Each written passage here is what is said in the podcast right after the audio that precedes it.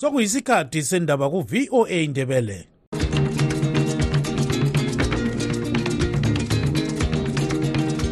amatshono zihlobo siyalamukela kuhlelo lwethu lwezindaba eziphathelane lezimbabwe. Kustudio 7 eya voice of america sisakaza sisewashington dc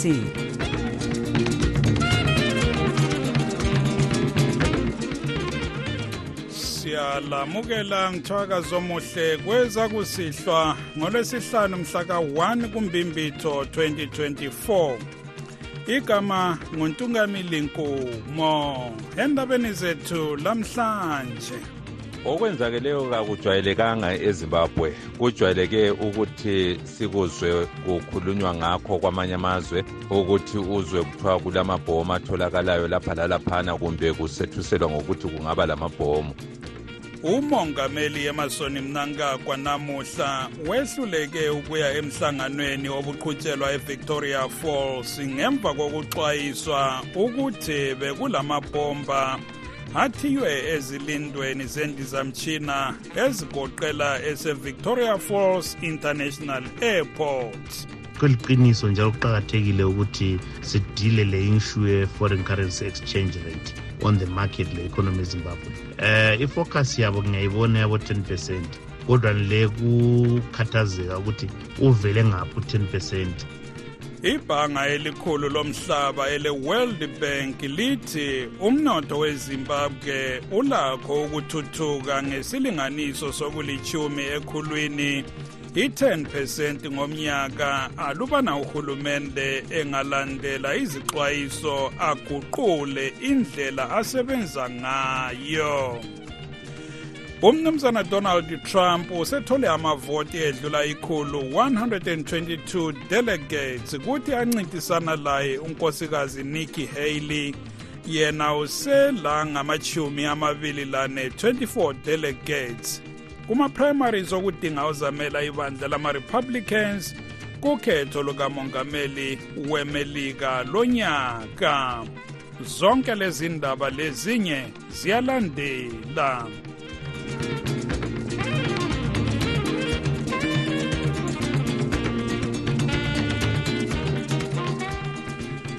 Umongameli emasoni mnangagwa namuhla wehluleke ukuya emhlanganweni obuqhutshelwa edolobheni le-victoria falls lapho abekhangelelwe ukukhuluma khona emini ngemva kokuxwayiswa ukuthi bekulamabhomba athiywe emagcekeni endizamtshina agoqela elejoshua mqabuko nkomo kobulawayo lele Victoria Falls Airport lapho abeza kwehlela khona. Indizamtshina yakhe ibikwa ithole limbikwa isemoyeni yasiphenduka ibuyela eHarare. Isikhulumeli sikamnangagwa umnumzana George Charamba wazise ukuba abogatsha olulondoloza amagceke endizamtshina elizweni olezimbabwe airport authorities baziswe ngabendizamtshina ye-fast jet ukuthi bathole incwadi ye-email evela emuntwini othe bekulabantu abahlose ukuhlasela kumbe ukubhomba emagcekeni endizamtshina namuhla. Usharamba uthe ababona ngokulondolozwa komthetho baphezu kokuphenya lolu daba. Uphinde wakhuthaza uzulu ukuthi engethuki. Umnangagwa ubesiya emhlanganweni we-international energy deployment conference efolosi. Umsekeli wakhe umnumzana constantino chiwenga obikwa ehambe kuqala nguye ogcine ekhuluma kulumhlangano ukuhlaziya lolu daba sixoxele engcwethi kwezombusazwe umnumzana efidlela ncube okwenzakeleyo kakujwayelekanga ezimbabwe. Kujwayeleke ukuthi sikuzwe kukhulunywa ngakho kwamanye amazwe ukuthi uzwe kuthiwa kulamabhomu atholakalayo lapha lalaphana kumbe kusethuselwa ngokuthi kungaba lamabhomu. Kuyinto engajwayelekanga. Ngakho-ke kuyadingeka ukuthi labo abakhangele ngezokuthula bayihlolisise indaba yakhona ukuze kufike ekugcineni kwakho ngokuba phela nxa kulamabhomu endaweni okwehlela khona indizamtshina kutsho khona ukuthi kuyabe kulula ukungena kuyingozi kakhulu ebantwini abaningi njengoba isetshenziswa ngabantu bezimbabwe isetshenziswa njalo ngabantu bangaphandle. Ngakho-ke kumele zona leziya ndawo zivikeleke ngendlela eqinisekileyo ukuze abantu babe lokuqiniseka ngokuphepha kwabo. Kahle kahle kungaba kusenzakalani lapha encube? Kungaba lengozi ekhona mpela yini njengokutsho komuntu lo othumele umbiko? Kumbe ngumuntu obeganga nje ongelakhono lenhloso yokwenza udlakela athi belulakho ukwenzakala udlakela lwamabhomba lolo akukacaci kahle ukuthi kungabe kuliqiniso yini ukuthi akhona amabhomu kumbe yinto nje ethunyelwe ngumuntu eganga nje? Kodwa-ke vele khona lokhu abakwenzileyo yikho okwenziwa kuwo wonke amazwe ukuthi kungaba lo mbiko othi kungaba khona okubi laphana kuyamiswa yonke into amapholisa akhangele. Sikubona noma ngaphi kuse-europe noma e-asia noma ku-american continent. Uma kukhona nje umuntu othe kuleya ndawo kulamabhomu kuleya ndawo kulokuthi kuyamiswa yonke into ekade kufanele yenziwe ngokuba kuqakathekile ukuvikela abantu. Nxa kade kufanele kube lomhlangano uyamiswa lawo nxa kube kufanele kube lebhola liyamiswa nxa kube kufanele kube lalokhuyana lalokhuyana kuyamiswa kuze kuqale kube lesiqiniseko sokuthi abantu baphephile kayikho leyo nto ukuthi liqiniso kumbe asiloqiniso yinto efanele ihlolwe ngalabo abakhangele ngakhona lokho baphume lokuthi kume kanjani. Umnumzana efidlela ncube yingcwethi ecubungula ezombusazwe. Sixoxela ekobulawayo. The voice of America,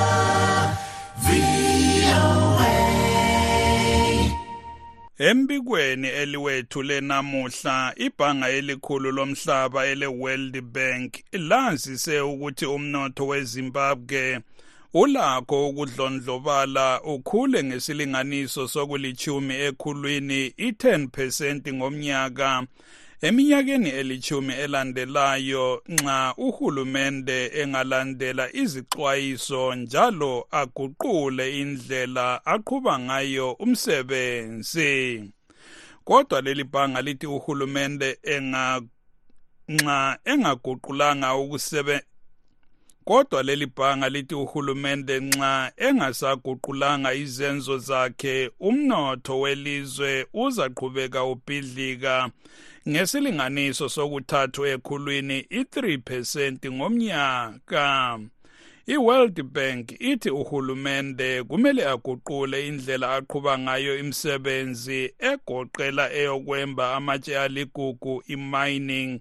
Alungise imigwaqo ukuze ahuge izethekeli njalo aqinise inhlelo zokulima ukuze ilizwe limelane lokuguquka komkhathi osokudale indlala emangalisayo. Sikhuluma nje inhlanganiso ye-food and agriculture organization ithi inani labantu abalambayo abadinga ukuphathiswa ngokudla ezimbabwe ngokuphuthuma likhwele lisuka ku-2.7 million laya ku-3.5 million. I-world bank ithi njalo elezimbabwe yilo elilentengo yokudla edula kakhulu ukwedlula amazwe wonke ase-afrika. Lisedlulwa kuphela i-argentina emhlabeni jikelele. Sibuze ingcwethi kwezenotho umnumzana regi shoko ukuthi uthini ngombiko we-world bank?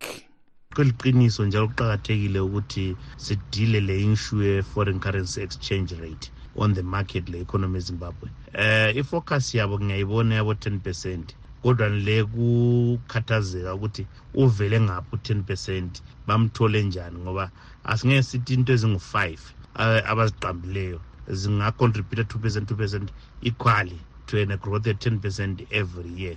Although siyavumelana labo ukuthi if we correct that we'll have definitely an economic growth ezimbabwe very positive ngoba i-economy zazikasa ukusebenza kustrive ungakhayela kwezokulima uh, we have challenges like now. Izimbabwe is an agro driven economy uh, now it will have serious pressures given the fact of the drought. Farmers will not be able to pay back their loans. They will not be able to pay to, to go back into the field next year. They'll need to be helped. And some of these mitigation effects eziyabe zenziwe nguhulumende ukubanceda ukuthi babuyele yizo zikhoza ama-challenges esiba lawo in terms of managing i-debt yethu i-national debt and also managing our monetary policy and the fiscal policy in terms of discipline of government expenditure. So ngezinye i-challenge um esikutshoyo ukuthi kuba nzima kwesisikhathi to implement some of these things that have been put forward by world bank uh, in a space of one year or two especially given nxa what we call financial support beyond your budget and taxes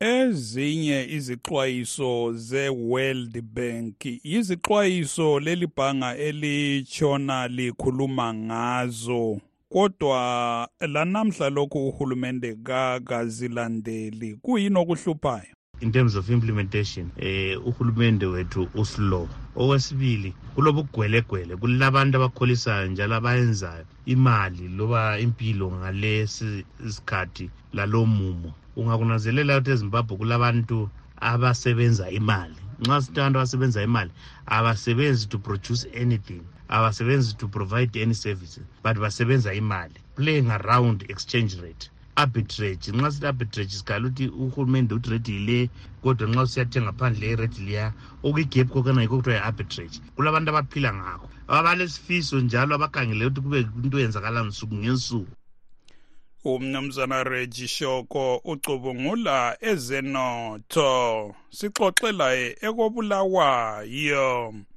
kusenjalo umcebisi webhanga elikhulu lezimbabwe ele-reserve bank umnumzana persistent kwanyanya utshele istudio 7 ukuthi kuzathatha isikhathi ukuthi uhulumende yenelise ukulandela izixwayiso zebhanga elikhulu lomhlaba ele-world bank.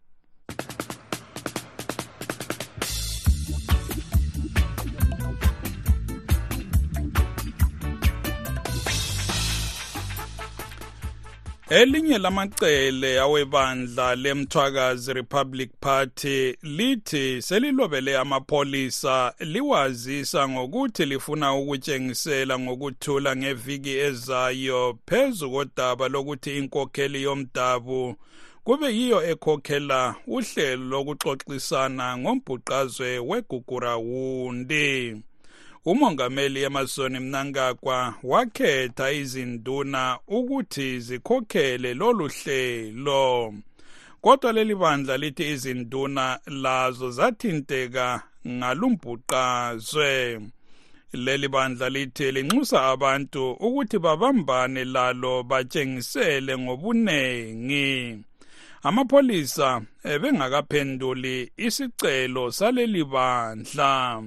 Uchris gande westudio 7 uxoxelo munye wabagcinisihlalo baleli bandla umnumzana mudenda chilumbo eh udaba olukhona baba Chris Gande ngolokuthi mhla ka11 March eh kuyimande kungumvulo ibandla lemthwakazi Republic Party eliholwa eh ngama co-chairpersons ubaba uh, uThembisani Mpofu umfulongaji lami. Eh siyabe sitshengisela kobulawayo eh from esitho sisiyafika emhlahlandlela ngodaba lwegugurakundi eh asisoze sitshengisele kobulawayo kuphela sizotshengisela eh langaphandle eh, wezimbabwe abase-south africa balenhlelo ababe beziphethe eh abasebotswana ngaphi ngaphi. So udaba lwekukrawundi thina sithi se-genocide it was a genocide and asingeke savuma sivumele uhulumende kamnanga ukuthi udaba lwekukrawundi luphathwe izinduna. Izinduna zilomsebenzi wazo according to the constitution of zimbabwe and even eh, ngama-international law. Thina lapha ku-constitution yezimbabwe sikwazi ukuthi izinduna yizo ezi-responsible for ma ama to preserve our cultural values and order. Athesi akulazulu izinduna zilomlando ukuthi zihambe ziyovuselela amasiko izulu lini elizweni izinduna ziphatha udaba lwabantu ababe bathethelane omama bathathelane abafazi. Bebhadalisa inkomo ukwenzela ukuthi kube le-order in the community. So umnangagwa uzama ukuthi izinduna zikhangele udaba lwegugrawundi a case of greater magnitude of this nature is only one way the international court of justice guests. According to the international laws. Manje seliphiwe na imvumo ngamapholisa njalo nxa kuyikuthi aliphiwanga leyo mvumo lizaqhubekela phambili na lokutshengisela lokho sibanikile i-notification amapholisa ukuthi besikhiye amapholisa bangasinika imvumo we are going to pursue using the legal route whereby ama-lawyers azasincedisa ukuthi sithole imvumo yona leyo kodwa ngithi mina bangayala njengoba imithetho layo futhi ngezami thina mhlaka 11 siyaphambili um ngokutshengisela. Umhlaba ube kwazi ukuthi nangumbulali ufuna ukuzithonisisa nangumbulali ufuna ukuzinika i-resolution to this conflict. So as umthwakazi republic party um thina we remain uh, resolute and adamant that konke okuzanywa nguhulumende wezimbabwe is all about evading the international law which we are against of. So sicela ukuthi abalaleli bonke bekuzwisise ukuthi after ama-consultations lawa azayenziwa ngama-chief bonke abantu bazaphelela emajele. So the best thing is yikuvimba ukuthi kungabi lo muntu ozahlaliswa yinduna ekhuluma ngendaba lwegugurahundi indaba yegugurahundi umnangagwe uyakwazi lapho efuze ukuthi ithethwe khona. Usidney sekramayo uyakwazi lapho efuze ukuthi ithethwe khona. Wonke umuntu owayenza umbhuqazi uyakwazi. So asifuni abantu abafuna ukubhada abantu bakithi. Thina sithi never never never never shall this issue be heeded by traditional leaders. Abahambe beyokhulukela beyokhulekela izulu line lolu daba ngele it was a politically it was politically motivated so ama-chief bengangena endabeni yona le. So ngithi balaleli umbhuqazwe igroup round was a genocide and akula muntu ofuze ukuthi ezithonisise ebulela umuntu. Umnumzana mudenda chilumbo ngomunye wabagcinisihlalo bebandla lemthwakazi republic party.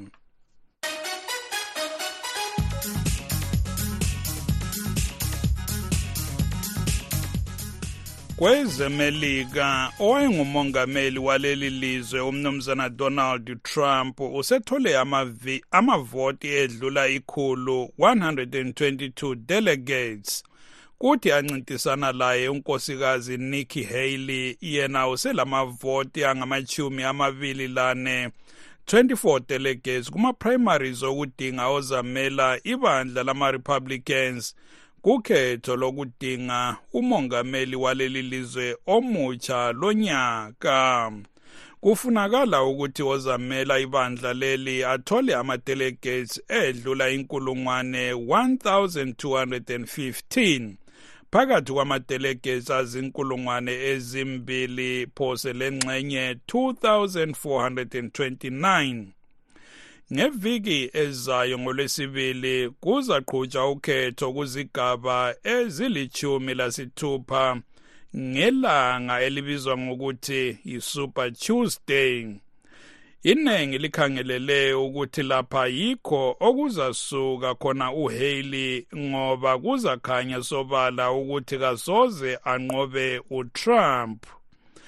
Utrump enganqoba uyabe seza ngqikilana loza khokhela kubandla lama-democrats umnumzana joe biden.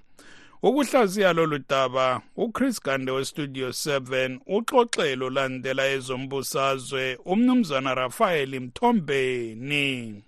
Hayi mina babagande ngokubona kwami unkosikazi Nikki Haley ungumuntu obambeleleyo nje ukuthi angqikilane lo Trump. Angiboni ukuthi angenza kuhle kodwa ukhanya engathi ungumuntu olelizwi afisa ukuthi uTrump alizwe lama lama supporters angama Republicans akuzwe ngoba akafuni ukuthi uTrump abonge ungena njengakhona lo unga lalela kuhle ukukhuluma kwakhe uyakhuluma izinto ezilalelwa ngamanye ama-republicans angafuni lokhu okulalelwa ngutrump. Njalo ngakhangela langendlela abamnika ngayo imali kuyakhanya ukuthi khona bakhona abamsekelayo. So uzaqhubeka elwisana laye lanxa engasoze enze kuhle akuma-primaries la. Ngibona ngathi eh yena upha ilizwi elithile ukwenzela ukuthi kubonakala ukuthi ama-republicans wona ngokwawo avele kawabambananga entweni le ukusekelana lo-trump. Yena umnumzana trump siyabona ukubana elokhu elosekelo. Ubona ungani uza kwenza njani nxa kuyikuthi nguyonqobileyo ukuthi engayenza kuhle yini esemisane lomongameli joe biden? Mina kangimboni enqoba kulolu khetho.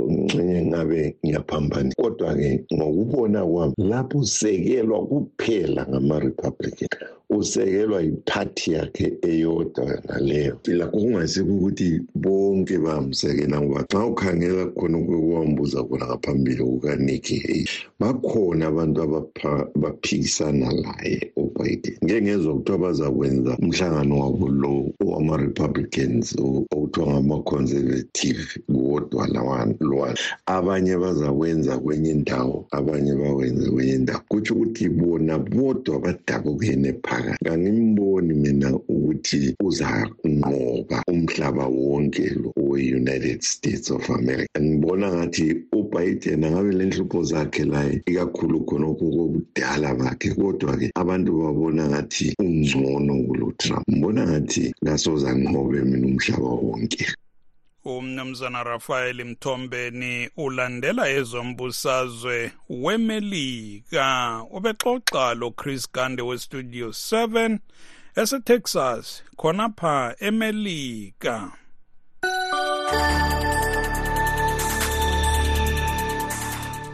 Imbiko elandelayo iveza imbono kahulumende wemelika.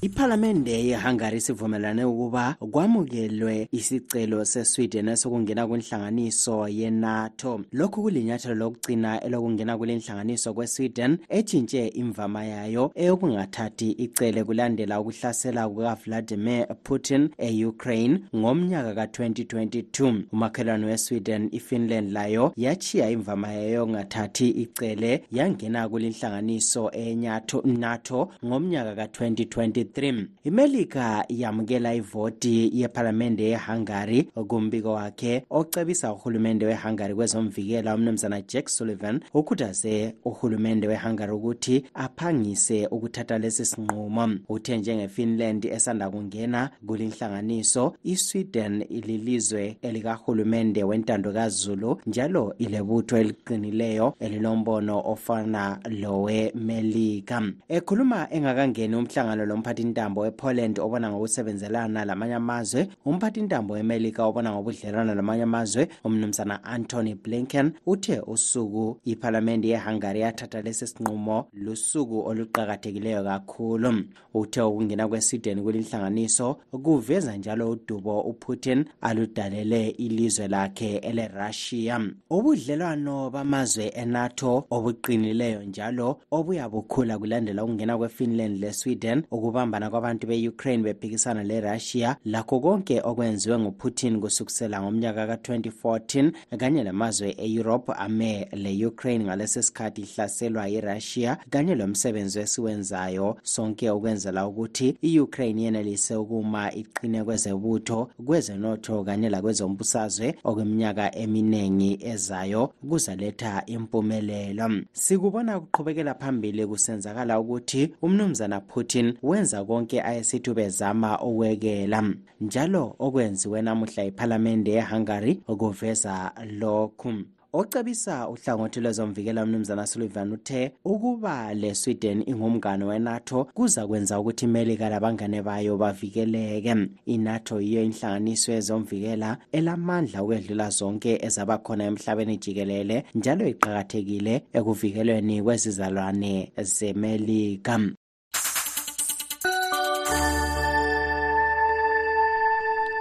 Lawo bekungamazwi aveza imbono kahulumende wemelika. It was a was a Friday my darling. Was a Friday umsebenzi ubhokile kuhlelo woza friday liviki sihamba lomculi we-afrofusion ubutho lezwentini yena ocula ekobulawayo. nangu exoxa lo Ezra Chisa Spanda Belukuzazisa belukuzazisa igamu butho uyazwana emlangilalutho isinwa luthando nami ngiyalufuna lona uthando lwentombi nyama uthando ubutho lezwe uzelo ngo-1994 eluveve kobulawayo wahlala ekhaya e-irisville. Wabuya njalo kobulawayo ezongena esikolo. Ngafunda e-rose camp ngaqeda ngafunda e-st columbus ngafunda ebhasi eh ngakhula kunjalo ngikhulela eThorn Grove khuliswe ngumama umama omdala kodwa nguye umama vele ngimaziyo umama washona ngo-2003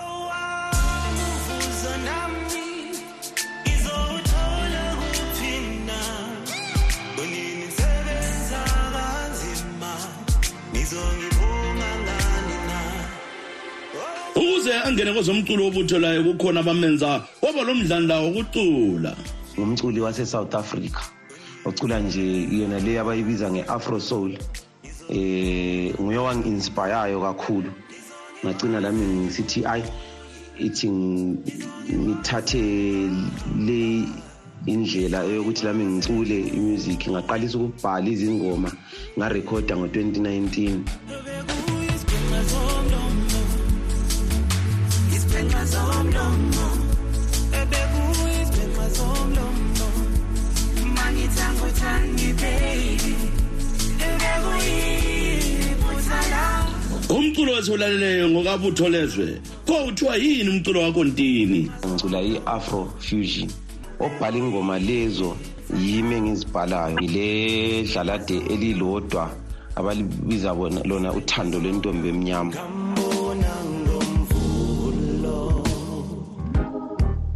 Ngangishaya ngalova halo Kwakungathi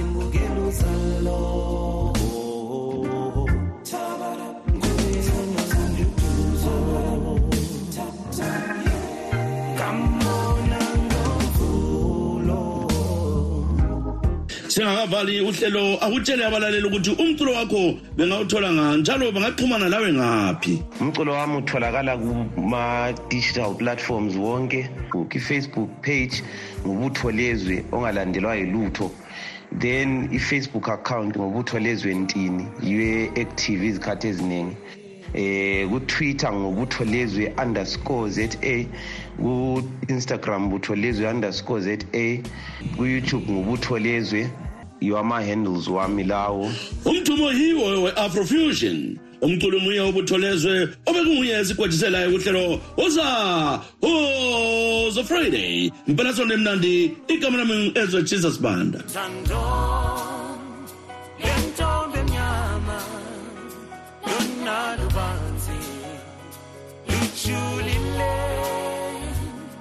Thando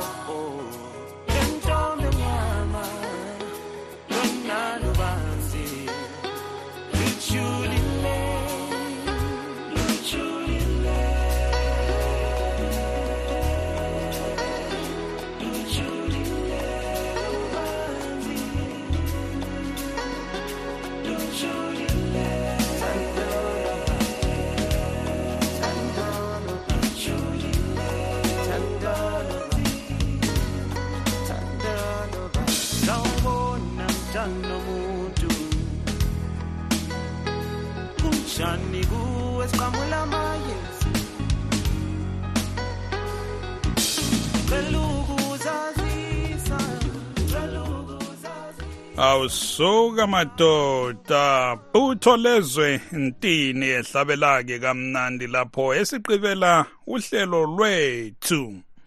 Singake hlukani sikhangele ebezihamba phambili. Umongameli emerson mnangagwa wehluleke ukuya emhlanganweni obuqhutshelwa evictoria falls namuhla. Ngemva kokuxwayiswa ukuthi bekulamabhomba athiywe emagcekeni endizamtshina agoqela evictoria falls international airport i-world bank ithi umnotho wezimbabwe ulakho ukuthuthuka ngesilinganiso sokulithumi ekhulwini 10 percent ngomnyaka. Uhulumende engalandela izixwayiso. Likhumbule luyalandela uhlelo lwe-live talk. Olivalelisayo nguntungamili nkumo lilale. Siyalibonga ngokulalela kwenu. Asibeke ithuba elifanayo kusasa kustudio 7 kusukela ngo-half past 7 kusiya ku-8 o'clock ntambama kuhlelo lwezindaba zezimbabwe. Tinotenda nekuteerera chirongwa chedu. Teererai zvakare mangwana kubva na7 p m kusvika na730 p m. Apo tinokupai nhau muririmi rweshona.